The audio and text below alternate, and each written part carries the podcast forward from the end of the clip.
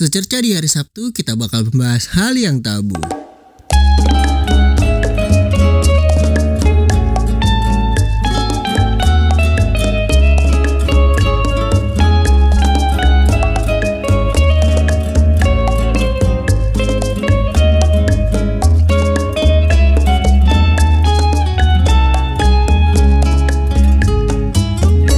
Cuma di Spotify, download Anchor app di Play Store dan App Store loh.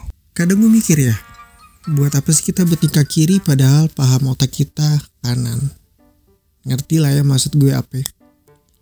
Banyak orang yang mau bertingkah keren seakan dia paling kiri. Tapi pemikirannya atau aktualisasi dalam hidupnya dia masih kanan. Mau sok ngikutin paham Colmex. Gue gak masalah ketika lo punya pemikiran yang berbeda. Pertanyaannya buat apa? Karena menurut gue, ketika lo berperilaku sama dengan orang lain, lo belum tentu mainstream. Begitupun ketika lo berbeda, lo juga belum tentu edgy atau keren. Episode kemarin, ketika gue ngomongin kemerdekaan, gue sempat mention soal ateisme. Banyak yang berlaga ateis di sosmed, tapi pertanyaannya tetap sama yaitu di mana eksistensi Tuhan. Ketika gue menjawab dengan analogi yang sederhana, banyak orang yang gak terima si para ateis ini. Jadi balik ke pertanyaan tadi, buat apa kita bertingkah kiri padahal paham otak kita masih kanan? Episode WTF gue kali ini mengasumsikan bahwa terlihat keren dengan cara menjadi orang lain itu masih bisa laku ketika lo jual di tengah masyarakat awam dan luas. Gue percaya bahwa selama lo masih hidup di bawah matahari, segala sesuatunya gak ada yang baru pelacur udah dari zaman dulu. FWB udah ada dari lama, bahkan sampai dibikinin film di tahun 2011. Kenapa boomingnya baru tiga tahun ke belakang ini? Apalagi ateisme itu sudah ada dari zaman kitab kejadian. Poser itu juga udah ada. Konser band yang selama ini kalian nikmatin itu berawal dari poser yang kebetulan banyak duit. Gue ngomongin bumi datar atau bumi bulat dari gue SMP. Sekarang malah banyak ngegaungin konspirasi dengan cara yang macem-macem agar terlihat keren dan apa open minded serta kiri. Ya mungkin jawabannya adalah perbedaan preferensi kali ya. Pada saat gue SMP dulu, gue ngerasa gue terlalu curious atau terlalu penasaran sama banyak hal. Mulai dari UFO, manusia reptil.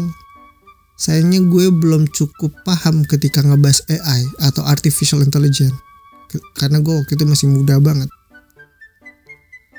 Atau mungkin zamannya udah beda. Karena gue ngerasa apa yang dibahas sama gue hari ini itu sudah jauh gue bahas dari zaman dulu. Gue punya satu kenalan gue nggak bisa masukin dia di skala pertemanan gue karena bagi gue orang ini punya paham liar yang abstrak. Dia jago ngomong plusnya bahasa Inggrisnya lumayan oke. okay dia mau sosok mau jadi orang kiri yang kalau dari statementnya gue ngerasa ah ini mah lo cuma pengen diakuin pinter doang. Masalahnya gue ngedebatin orang-orang kayak gini itu di zaman 4 atau 5 tahun lalu. Dan gue akuin emang gue punya gejolak masa muda yang membuat gue merasa punya pikiran terbuka. Jadi segala hal yang kita lumrahkan sampai-sampai hal yang gak sesuai kita biarkan sekarang malah kalau didebatin orang, selagi lawan bicara gue masih nanya Tuhan itu ada apa enggak, enggak bakal gue debatin jadi gue iyain aja. Kenapa? Karena capek. Capek nanggepin orang yang kayak begini yang gak ada juntrungannya. Lo boleh punya ilmu setinggi langit, boleh banget coy. Boleh lo jadi orang yang open minded, lo mau jadi orang ateis, vegan, lo mau jadi musisi, seniman, lo boleh banget. Selagi lo paham debat itu adalah seni bertukar informasi dengan data, bukan mencari siapa yang pintar atau bodoh, gua akuin lo punya ilmu yang setinggi langit. Tapi ketika lo mau bodoh-bodohkan orang, ketika berdebat dan debat lo berdasarkan asumsi tanpa data, bagi gue lo tidak jauh beda sama orang bisu yang baru bisa ngomong atau anak bocah yang baru bisa naik motor.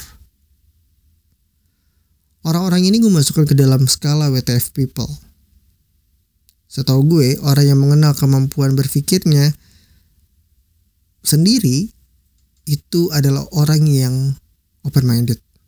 Jadi lo nggak usah haus pengakuan atau berlaga seperti yang paling pintar. Karena apa? Cukup Rocky Gerung aja. Yang kayak gitu.